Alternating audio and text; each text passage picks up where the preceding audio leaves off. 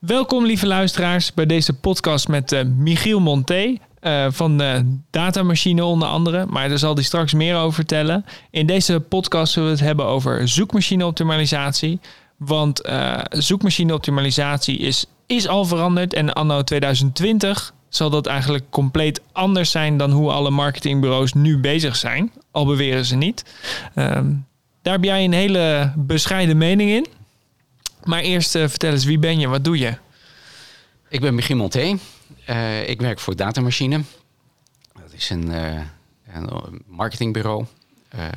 daarnaast werken we voor de kunst- en cultuursector, de non-profit organisaties, waar we strategische marketing doen. Mm -hmm. En een van de producten die we daarin ontwikkeld hebben, eigenlijk bij toeval zijn we op terecht gekomen is dat uh, nieuwe manieren van uh, data opslaan ook een enorme invloed hebben op zoekmachines. En die vooral van Google. En daar ben jij expert in? Geworden. Geworden. Dan ben je expert. Leuk. Ik heb deze podcast uh, ben ik gaan maken eigenlijk omdat ik ja, ik kom zo nu en dan inspirerende ondernemers tegen. Iedereen met een eigen verhaal, eigen visie, eigen passie ook meestal. Nou, zo heb ik ook jou uh, ontmoet, ontmoet voor je, je zoon uh, Joël. En wat ik interessant vond is, is ja, je hebt heel veel passie voor je vak, voor, voor wat je aan het doen bent met Google. En volgens mij laat je het niet meer los, ga je nachtenlang aan de slag. Wat ik daarin belangrijk vind, wat inspireert jij nou als ondernemer? En allerbelangrijkste is dat je uh, wil blijven innoveren. Dat is het allerbelangrijkste. Vooral niet uh, achteroverleunen en uh, denken van het dient mijn tijd wel uit. Dat zie ik heel veel om me heen gebeuren. En dat is één ding wat ik niet wil. Durven stappen maken. Ja, gaan als je wat ziet, dan er ook voor gaan. Mooi. Welke ondernemer inspireert jou dan heel specifiek? Van wie heb je echt een hoge pet op? Nou, wat ik heel erg knap vind van mensen die niet één keer, maar twee keer succes hebben gehad. Eén keer kan nog per ongeluk zijn, twee keer niet meer. Zeg ik ook altijd tegen mijn vriendin. nee, dat snap ik. Dat vind ik heel erg mooi. Mensen die denken, ik ga wat anders doen ja. en uh, maken er weer een succes van. Tof. Dus, dus dan is het bewezen en niet, uh, niet een gelukje. Uh, Oké, okay, helder. Hey, en uh, nou, best wel een bot statement uh, van mij. Zoekmachine optimalisatie is uh, en alle marketingbureaus die nu bezig zijn, die zijn eigenlijk bezig met de verkeerde dingen. Kun je daar wat over uitleggen? Ja, we, we kwamen op dit, dit, dit hele traject doordat we voor musea werken. De musea mm -hmm. hebben heel veel data. En wat heel erg belangrijk is bij musea is de context van de data op zich het voorwerp is niet zozeer interessant, maar het verhaal eromheen, wat ermee gebeurd is, waar het geweest is, dat is veel interessanter. Ja. De traditionele systemen waar ze nu mee werken, die hebben heel veel moeite om dat weer te geven. Dus we zijn gaan kijken van, zijn er andere manieren om dat op te slaan? Uh, andere manieren om die context weer te geven? En eigenlijk de belangrijkste eis daarbij is dat je niet van tevoren weet welke data je hebt. Ja. Maar al gaandeweg kom je tegen van, oh, dit is interessant, dat is interessant. Er komen steeds meer informatie bij, komen verhalen bij, komen gebeurtenissen bij. En dit moet je kwijt. Ja, dus eigenlijk het, het voorwerp, dat, dat kan iedereen wel omschrijven. Maar de relaties die het voorwerp heeft. Dus, dus een, een mes bijvoorbeeld, dat je weet dat je met een mes kan snijden. Of dat die van metaal is gemaakt, wat voor omschrijvingen en alles eromheen. Dat, dat, dat, die, die relaties werden niet gelegd? Of... Nou, dat, dat is nog, nog wel te bepalen. Hè? Ja? De mes kan snijden, dat, dat kan je allemaal van tevoren verzinnen. Maar dat hij ergens geweest is, uh, op, een, op een boot gezonken is, gevonden is, mm -hmm. uh, door een beroemd iemand is vastgehouden, dat weet je niet van tevoren. Oké. Okay. En die relaties zijn heel moeilijk. Want je komt elke keer wat anders tegen. Want uh, bijvoorbeeld een bekend voorbeeld wat we hebben is een vlag die op Normandië is geweest. Nou, dat verwacht je niet achter een vlag dat je die als voorwerp hebt dat hij in Normandië is geweest, belanding heeft meegemaakt, dat er uh, mensen hem hebben vastgehouden, uh, dat het ding beschoten is, uh, nou noem maar ja, op. En dat hij vervolgens nog aan Trump wordt aangeboden. Nou, dat is allemaal relatief. Het is wel gestructureerd, maar toch ook relatief ongestructureerd, want je weet niet wat er precies achter zit. Nou, we zijn dan gaan zoeken van wat voor technieken kunnen we daarvoor gebruiken. En als je nou goed om je heen kijkt, dan zie je dat uh, Google en uh, Facebook en Amazon en noem maar op, alle grote techbedrijven, die zie je dat die overstappen op een ander type database. Die gaan weg van relationele databases, maar die gaan naar graph databases. Die geven alles weer in een graph, een knowledge Mhm. graph. Eh, nou, die techniek die is volwassen geworden. Die is nu ook voor eh, eh, ons gewone zielen te, te kopen en te gebruiken. Ehm, dus daar zijn we gaan kijken van kunnen we die, die context daar gemakkelijker in weergeven. Nou, dat, dat kan dus. Ehm, maar dan komt er een hele wereld achter vandaan. Eh, en die wereld die, eh, die heeft te maken met taxonomieën, eh thesauri, eh, ontologieën. Ehm, die is heel erg sterk gebaseerd op de, op de logica. De wiskundige logica die erachter zit. Algoritmes. Ja, het is, het is allemaal logica in feite ook wat erachter zit. En die data moet je dan op de een of andere manier structureren. Dat wordt een, eh, eh, een kennissysteem, wordt dat. Het, is, eh, het wordt ook wel rule-based AI genoemd. En daar zitten een hele andere technieken achter dan dat je normaal gebruikt bij een relationele database. Nou, dat, dat hebben we in kaart gebracht van hoe ze dat, hoe ze dat doen.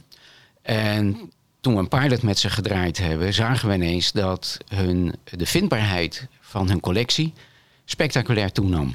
het is dus eigenlijk is het eh, per ongeluk ontdekt. Ja, we kwamen erachter omdat we eh, de data helemaal gestructureerd hadden.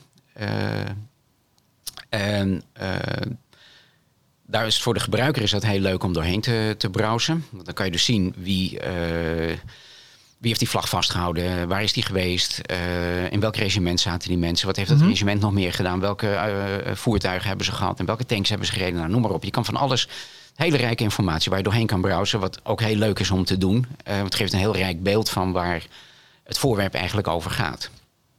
En wat we zagen, dat hadden we online gezet in een pilot. En toen zagen we ineens dat de manier waarop we het gestructureerd hadden... opgepakt werd door de zoekmachines. En de vindbaarheid van de, eh, de individuele items... die, werd, die nam spectaculair nam die toe. Dus die, kwam veel, die was veel beter te vinden ineens. De, die vlag kwam naar boven. eh, een, een codeermachine vanuit de Tweede Wereldoorlog, eh, waar, waar regelmatig op gezocht wordt, stond NMM ineens bovenaan. Konden mensen vinden. Ehm, toen zijn we gaan nadenken van wat, wat gebeurt hier? Waarom, waarom gebeurt dit? Wat is er aan de hand? Wat is er aan de hand? En toen kwamen we erachter dat die, eh, de manier waarop wij onze knowledge graph hadden eh, voor het museum hadden georganiseerd, één op één aansluiting vindt bij de zoekmachines. Toen zijn we verder gaan kijken, nou dat is dan structured data, eh er zit schema.org zit erachter onder andere. Ehm, en ehm, de manier waarop dat gebruikt wordt en waarop je die, die, die kennis in erin, erin representeert, geeft hou vast voor de zoekmachines. Om te kijken op de pagina of ze dat terug kunnen vinden, of het op de juiste manier geannoteerd is. Mhm. En of ze daarmee, eh, en daarmee gebruiken ze dat als rijke content die beter antwoord geeft op de vragen van hun, de mensen die zoeken. Eh, toen zijn we gaan kijken van ja, eh, als wij dit kunnen, wa- wat is er al in de markt zoal? Van wie, wie gebruikt dit al? En toen kwamen een aantal dingen kwamen we tegen, onder andere Joost en dergelijke, die eh structured data aanbieden. Maar dan zie je dat de, de kennis die, de, de logica die achter het systeem zit, niet geïmplementeerd wordt in dit soort tools. Dus het is relatief platte data die je, die je toevoegt aan je, aan je website. En relatief weinig impact heeft. Want het gaat juist om de context waarin je informatie toevoegt aan je site. Die voor Google interessant is om antwoord Ja. te geven op de vragen die mensen hebben. Ja, dus een voorbeeld is eh, als je CEO Joost... eh, eh, wij scoren heel hoog op online marketing Utrecht. In CEO Joost staat er dan online marketing Utrecht. En dat is redelijk plat, want dat is, er zit niet echt een relatie in. Dat is gewoon één woord, online marketing Utrecht. En er zit niet echt... Ja, er zit voor de rest niet echt heel veel meer omheen. Nee, dat klopt. En, want- Dat is Joost. Dat is Joost. Dat is. Joost. Nou, dat is prima. Dat, en dat werkt al. Dat is op zich al heel aardig. Maar op het moment dat je de context gaat toevoegen. Van wat betekent het nou precies? Waar heb ik het gebruikt? Wanneer heb ik het gebruikt? Wat kost het? Eh, waar kan ik het gebruiken? Eh, waar, staan er, Ja. waar staan er informatie over? Waar is dat allemaal te vinden? Waar is een handleiding te vinden? Dan is het voor Google veel interessanter. Want wat je ziet gebeuren is dat de, de zoekvragen die gesteld worden... verschuiven van een paar keywords intypen... naar hele zinnen die mensen gaan intypen. En dan zeker met voice wat er aan... Ja, eh, wordt het helemaal wat- longtail, ja. is het allemaal longtail, want ik stel een vraag. En dat is per definitie longtail zoeken. Dus de volumes gaan enorm naar beneden. Dat is lastig voor eh, als je keywords gebruikt. Want die worden minder. Maar de context wordt veel belangrijker. Ja, dat is een mooi voorbeeld. Eh, we hebben de Rode Winkel geholpen in Utrecht. En die hebben we geoptimaliseerd op Jeans Utrecht. Maar als je nu eh, aan de, eh, via Google eh, vraagt... wie is de beste jeanswinkel van Utrecht... dan komt de Rode Winkel omhoog. Maar dan, dat is dus, die zoekvraag is best wel veel breder eigenlijk... dan hoe wij die site hebben geoptimaliseerd. Ja, maar het is dus heel specifiek. Het is op een aantal specifieke dingen kom je naar boven. En het blijft ook nog wel werken, voorlopig. Maar je ziet dat het langzaam maar zeker aan het verschuiven is. Bij de laatste update van eh, het algoritme van Google zag je al enorme verschuivingen optreden. Eh, en daar hebben ze ook gezegd dat context belangrijker wordt om hun vragen steeds beter te blijven beantwoorden. Ja, dus wat ik heb begrepen wat, begrepen wat er gebeurt... is dat eigenlijk de... ehm, normaal heb je een pagina die omschrijft... Social Elephant Online Marketing Bureau in Utrecht.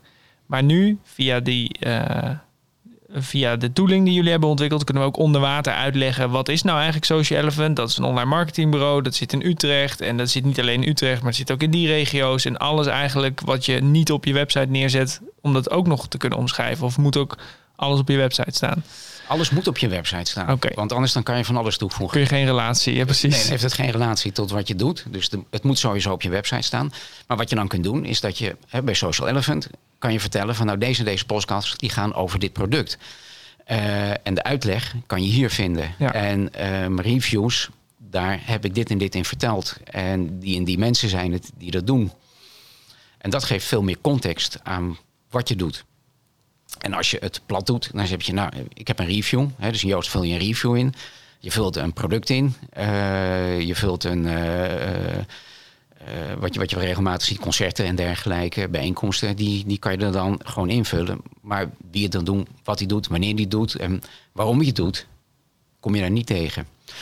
En waarom is het nou zo lastig om dat in te voeren in zo'n gewone tooling? Dat komt omdat de hele, het kennisdomein wat erachter zit, is eh, gebaseerd op inferencing. Inferencing is een, eh, een prachtig woord, maar dat betekent redeneren. Het betekent redeneren in je database. Dus de manier waarop schema.org de informatie heeft aangeleverd, is daar eh, een voorbeeld van. Dus als je gewoon naar de pagina's kijkt, zie je niet waar het aan gerelateerd is. Dat kun je bijna niet terugvinden, omdat namelijk de database zelf die redenaties en die links wel kan leggen. Dus Ja. impliciete informatie die opgeslagen is in de structuur van het kennissysteem, kun je met een speciale inferencing tool, een, eh, een, een inferencing engine, kun je eruit halen. Nou, die hebben we in een tooling gebouwd, waardoor je veel rijkere data kunt toevoegen. ja. En, en wie gaat dit nou raken, denk je? Uiteindelijk gaat iedereen het raken. Want op het moment dat eh, het is nu, uit mijn hoofd, is eh, eh, search zoeken is nu rond de 20%. En het stijgt, het verdubbelt. Het was volgens mij het jaar daarvoor is het verdubbeld. Eh, het wordt alleen maar meer. Dus die context die in die vragen zitten, wordt steeds belangrijker. Dus het algoritme van Google wordt steeds belangrijker om te voeden met contextuele informatie. Dus er zit een soort haat-liefde in bij Google. Aan de ene kant willen ze heel graag advertenties verkopen. Dat is gewoon heel plat. Gewoon met keywords. Aan de andere kant moeten ze de vragen steeds beter gaan beantwoorden van bezoekers. Ja, anders verliezen ze hun kracht als search engine eigenlijk. Ja. Dus zij moeten meer context bieden. Hey, en, en wie zijn nou al bezig met deze technologie? Welke spelers doen dit bijvoorbeeld al wel? Eh, nou, de, de allerbekendste is natuurlijk eh, Wikipedia. Wikipedia is dit moment zijn een aantal initiatieven rondom Wikipedia die de data die uit hun gewone normale eh, Wikimedia zit, om die om te zetten naar eh, een graph. En die wordt geïndexeerd door Google. Dus Google haalt heel veel informatie op uit de graph die omgezet is uit Wikipedia. Het zijn de vragen die, eh, wie is de eerste president van Amerika? Die kun je dan beantwoorden. Daar krijg je keurig netjes antwoord op. Want dat staat namelijk in Wikipedia. Dat zit in de graph. Maar dat- in de graph zit dus niet wie is de tweede president van Amerika. Dus daar krijg je geen antwoord op. Wie is de laatste president weer wel? Dus het, wat je aanbiedt in je kennisdomein, indexeert Google. Nou, dat gaat enorme impact hebben op het hele zoekmachine indexeren. En alle marketingbureaus die daarmee bezig zijn. Dat wil niet zeggen dat het gewone keyword zoeken verdwijnt.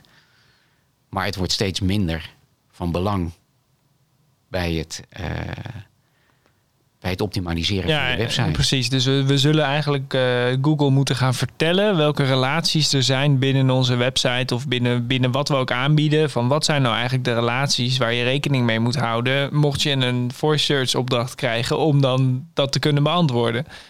Precies. Dat is eigenlijk de, in Nederlandse taal uh, wat het is. Dat is wat er gaat gebeuren. Nou, dan is de podcast klaar. nee. Wel interessant. Dus je bent eigenlijk ben je dus eerst gaan verdiepen in hey, welke, hoe kan ik nou de database van een uh, museum zo gaan inrichten dat ik makkelijk aan een bezoeker of iemand kan uitleggen dat dit voorwerp gerelateerd is aan een ander voorwerp wat in dezelfde eeuw of wat dan hoe, hoe kan ik al die relaties vastleggen? Klopt. Ik denk dat daar je probleem uh, van hoe ga ik dit in godsnaam doen? Ja. Toen ben je dus uiteindelijk op schema terechtgekomen? Nou ja, onder andere, er zijn, er zijn wel 25 van dit soort uh, ontologie en taxonomieën. Uh, het zal je allemaal niks zeggen, maar er zit SCOS achter, er zit FOF zit erachter. RDF, RDFS, al twee zit erachter. En er zitten zo ontzettend veel technieken zitten erachter. Mm -hmm. Het is heel erg leuk om eens op te kijken bij het World Wide Web Consortium. Die hebben zo'n van die prachtige plaatjes hebben gemaakt. Dan zie je die hele stack, hoe die is opgebouwd. Vet. Nou, al die technieken die gebruiken we nu. En als je er dus maar één uitmaakt, je had alleen maar schema.org eruit, dan doet het in principe niks. Je hebt die stack heb je nodig om je kennisrepresentatie op een juiste manier weer te geven. Ja, dus, daar ben, dus dat heb je ontdekt. Daar ben je echt helemaal in losgegaan eigenlijk. Toen heb je dat toegepast en dat heb je live gezet ook nog eens. Ja. En toen ineens kwamen alle resultaten binnen. Toen dachten we van hier gebeurt iets bijzonders. Ja, het is wel, het is wel een gaaf verhaal. het is wel een mooi verhaal. Ja, dus we zijn helemaal dus van huis uit helemaal geen webbouwers of uh, uh, SEO-bureau of iets dergelijks. Dat zijn we gewoon helemaal niet. Uh, we weten wel hoe we websites moeten bouwen. We hebben in de jaren negentig al websites gebouwd. Toen lagen we nog in, in Amsterdam in het... dat is het, het AMSX zit daar. Mm -hmm. Daar zaten we gewoon rechtstreeks aan verbonden met een, gewoon een ethernetkabeltje. Dat was nog de tijd dat dat, dat, dat kon. Had je ook nog geen firewall nodig. Maar nu zijn de meeste mensen zijn eigenlijk wel bezig met structured data. En dan zijn er ook een aantal WordPress tools die structured data aanbieden. Maar dat is nog niet de diepte die jij, waarvan jij zegt van hé, hey, daar moeten we mee bezig zijn. Nee, wat ze aanbieden is heel plat. Het is hele platte, platte informatie. En voor uh, een echte graph weer te geven heb je andere tools nodig. Andere technieken. En die zitten daar niet in. Nee, en dus wat er in mijn ogen dan aan de hand is, de online marketingbureaus zijn meestal HBO geschoolde mensen. En dit zegt niets over niveau, hè, want uh, dat, die discussie wil ik niet online gaan starten.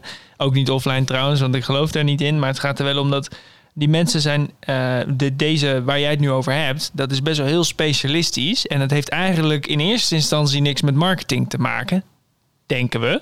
Maar dat heeft het dus 100% wel, omdat het, het, het, uh, het, zoekgedrag van de zoekmachine, hoe de algoritmes werken, is eigenlijk werkt op die manier. Dus ja, dan krijg je natuurlijk wel. De marketeers voelen zich niet prettig in die wereld. Dan, de, meesten zullen zeggen: Nou, uh, dit is te technisch. Uh, ik maak wel een mooie afbeelding of een mooi verhaal of een SEO-tekst, maar hier ga ik niet in mee.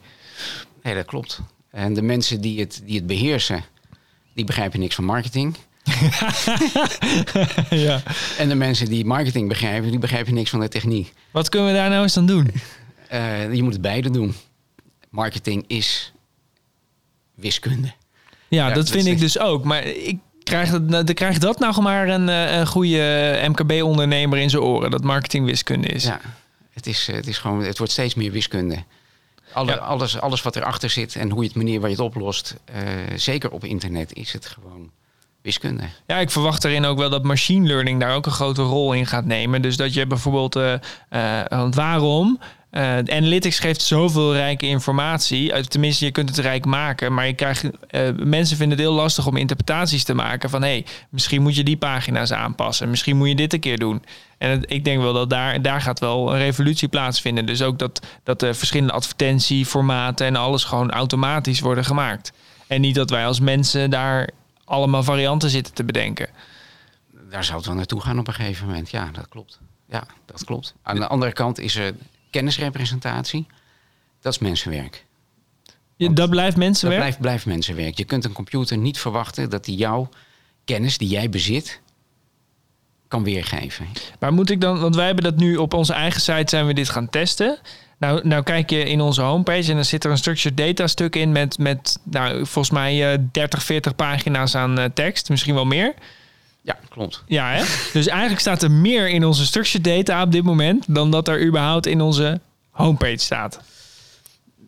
Nee, niet helemaal waar. Oké. ehm, alle data die in de structured data meegegeven is, is te vinden in je website. Eh, het is niet per se, hoeft het op je homepagina te staan.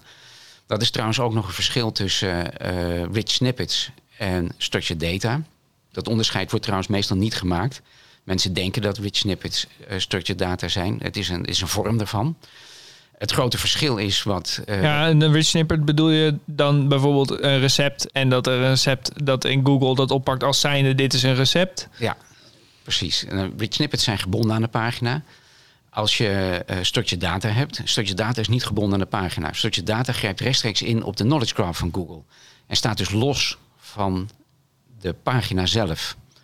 Eh, er zijn natuurlijk wel wat regels vanuit Google zijn er opgegeven. Dat het moet wel in hetzelfde domein zitten als je de informatie aanbiedt. Maar het hoeft niet op de pagina te staan. Een mooi voorbeeld is jullie eigen website.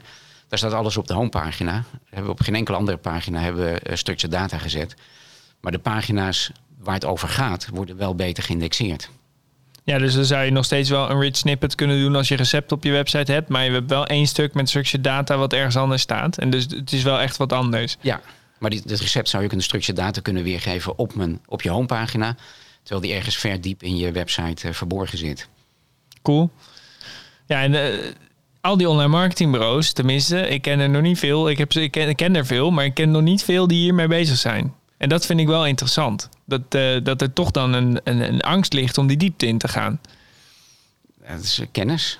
Het Gewoon Het onwetendheid. is gewoon onwetendheid. Ja, dan moet je gaan verdiepen in heel andere technieken en tools. Die geen relatie hebben tot je website. En geen relatie hebben tot je business. Die moet je eerst in de vingers krijgen. En dan, dan kun je het uit. eh, dan kun je het product eigenlijk pas leveren. Nu, nu luisteren er heel veel marketeers en directeuren en eigenaren van bedrijven. Moeten die zich zorgen maken of kunnen ze, wat kunnen ze doen? Wat, Jou bellen en mij ja, ja dat, dat is een goede thanks, man. Ja. Ehm, nee, Wil ze toch wel wat meegeven waar ze ook zelf wat mee kunnen zonder dat ik een factuur stuur? Maar, Ehm, nee, ze moeten zich geen zorgen maken. Degene die zich zorgen maakt, die komt nooit ergens. Eh, je moet het als een kans zien. Het is gewoon een kans die, die je hebt om, eh, om vooruit te komen. Een kans om ook tegen de hele grote eh, eh, platforms op te kunnen. Eh, want daar zie je nog wel. Die hebben natuurlijk een hele hoop andere zaken die ze erg goed georganiseerd hebben. Maar het hele gedeelte stukje data is daar onderbelicht nog. ja. En daar kun je wel impact nog hebben. om in ieder geval wat tegenwicht te bieden tegen een enorme marketing power die erachter zit. Ja, want dat, dat vind ik zelf interessant. Ik denk dat de platformen hebben echt de toekomst. In de zin dat eigenlijk hebben ze dat al. Want in principe is Uber een platform. Bol.com is een platform. Booking.com is een platform. eh Takeaway is een platform. Eigenlijk alle grote spelers in de markt op dit moment zijn platformen. Google is een platform. Ik vind dat wel... Ja, die platformgedachte... die hangt natuurlijk heel nauw samen met structured data. Want da- ja, hoe groter je platform is, hoe meer je moet kunnen uitleggen wat alle relaties zijn tussen alles wat er op je platform staat. Ja, klopt. Dus ik kan me wel voorstellen dat, dat, ja, dat, dat als ondernemer, dat je dus zult moeten gaan denken in de platformeconomie gedachte. Niet alleen platformeconomie, maar ook hoe je tegenwicht kan bieden aan de grote platforms. Wat is nou, wat is nou kenmerkend, wat is nou specifiek voor jouw business? Want een platform aan de ene kant heeft heel veel macht, eh, want ze hebben heel veel traffic genereren. ze. Mhm. Aan de andere kant zijn zij afhankelijk van de contentleveranciers om Ja. die platform mee te vullen. En datzelfde geldt voor Google, die daar ook heel erg eh, eh, ambivalent in staat. Nou, ze produceren minder dan 1%, nou minima, minder dan 0,01% van alle content die überhaupt te vinden is in Google. Ze produceren bijna niks. Nee. Nee, dat klopt. Die produceren wij, maar we bieden het gratis aan. We geven het gratis weg. Eh, en daar kun je, eh, naarmate je meer tools in handen krijgt, kun je daar meer beter tegenwicht aan bieden. Want uiteindelijk zijn zij voor een vraag afhankelijk van de content die op jouw website staat. Ja. En anders kunnen ze ook geen uitservering doen of... Uh... Nee, maar daar zit dus de afhankelijkheid ook van Google. Ja, ik vind het altijd wel lastig. Want ook bijvoorbeeld volgens Google is scrapen wordt niet echt gewaardeerd. Maar in principe is Google in mijn ogen de grootste scraper van de wereld. Dat is het enige wat ze doen. Ja, en dan het verbieden. Of, of zit ik daar nou naast? Nee, je moet altijd verbieden wat je zelf doet. Ja, dan, dan, maak je wel een mooie business van, hè? Oh, oh, oh. Nou, ik hoop dat we de mensen toch een stukje mee hebben kunnen nemen in, uh, in wat diepgang over structured data, wat het gaat veranderen. Ik hoop ook dat ze geïnspireerd zijn om uh, richting platformeconomie uh, te gaan denken en verder. Ik merk nog wel veel angst bij directeuren. Wat ik vaak merk bij directeur en eigenaar van bedrijven is dat ze dan zelf geen ervaring hebben met online en dat technieke stuk. Kijk, ik kan nog een stukje met je mee, maar ik denk dat de meeste andere ondernemers in de online marketing die haken af. En eh, vaak zie ik dan, ja, dit ken ik niet, dus het werkt niet. Want als het wel werkt, dan moet ik er wat mee doen. En dat is eng. ja, eh, zie jij dat ook? Nee, dat klopt. Het is, het is ontzettend lastig uitleggen. Ik zie er een enorm gat tussen de mensen die uh, de beslissingen nemen. Uh, en eigenlijk helemaal geen kaas ervan hebben gegeten. En de mensen die eronder zitten. En eigenlijk vaak geen beslissing mogen nemen. Maar wel meer kennis hebben ten aanzien van wat er gebeurt. Het enige wat ik ze uh, mee kan geven is dat content marketing is ontzettend belangrijk en wordt alleen maar belangrijker. Zeker in je, in je hele engagement die je om je, om je product en om je dienst heen uh, biedt. En content marketing is nou juist uitermate goed geschikt om het stukje data te beschrijven. Want dat geeft hele rijke informatie. En op die manier kun je veel beter gevonden worden in de longtail zoeken. Waar mensen. Het is heel erg leuk om te kijken van hoe ziet een, um, een customer journey eruit. En dan zie je dat een customer journey bijna altijd begint met een, een relatief uh, algemene vraag. Als je een, uh, uh, een keukenmixer wil kopen, dan zoek je als eerste naar keukenmixers. Niet naar merk en niet naar een winkel. Je zoekt in het algemeen. Of de zoek... beste keukenmixer. Ja, de beste of, keukenmixer. Zoiets, ja. Of ik, ik heb dit en dit nodig voor mijn keukenmixer. De beste keukenmixers voor, weet ik van wat, cakes bakken. Ik noem maar wat. Um, en als je content hebt die ingaat op dat kennisdomein, dan komen mensen bij jou uit. En op het moment dat mensen dat zien, sta je veel hoger in hun attentie. En op het moment dat ze je vaker tegenkomen, dat je veel content In de biedt, hele customer journey. in de hele customer journey. En op het moment dat mensen die gaan dan regelmatig zoeken. Want je, kijkt, je beslist niet meteen de eerste keer dat je gezocht hebt. Je gaat nog een keer zoeken, nog een keer zoeken. En je zoekt wat andere dingen. Als je dan regelmatig naar boven komt met goede, rijke content, dan geeft dat uh, vertrouwen in wat je doet. En dat werkt gewoon enorm goed. Dat is wat jullie zelf ook doen. Veel content produceren over in, dingen die interessant zijn.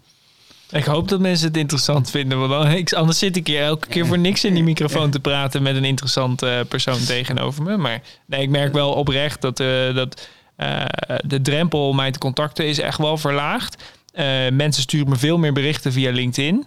En ik krijg gewoon elke keer leads van... hey, ik heb in die podcast dit gehoord. Uh, wat kan ik daarmee? En hoe, wat betekent dat voor mij? Dus ik moet wel zeggen dat het voor ons wel echt zijn uh, vruchten afwerpt, ja. Ja, en je ziet dan ook dat het, het aantal traffic relatief laag is op je content. Maar omdat je regelmatig terugkomt en veel content In, hebt... Ja.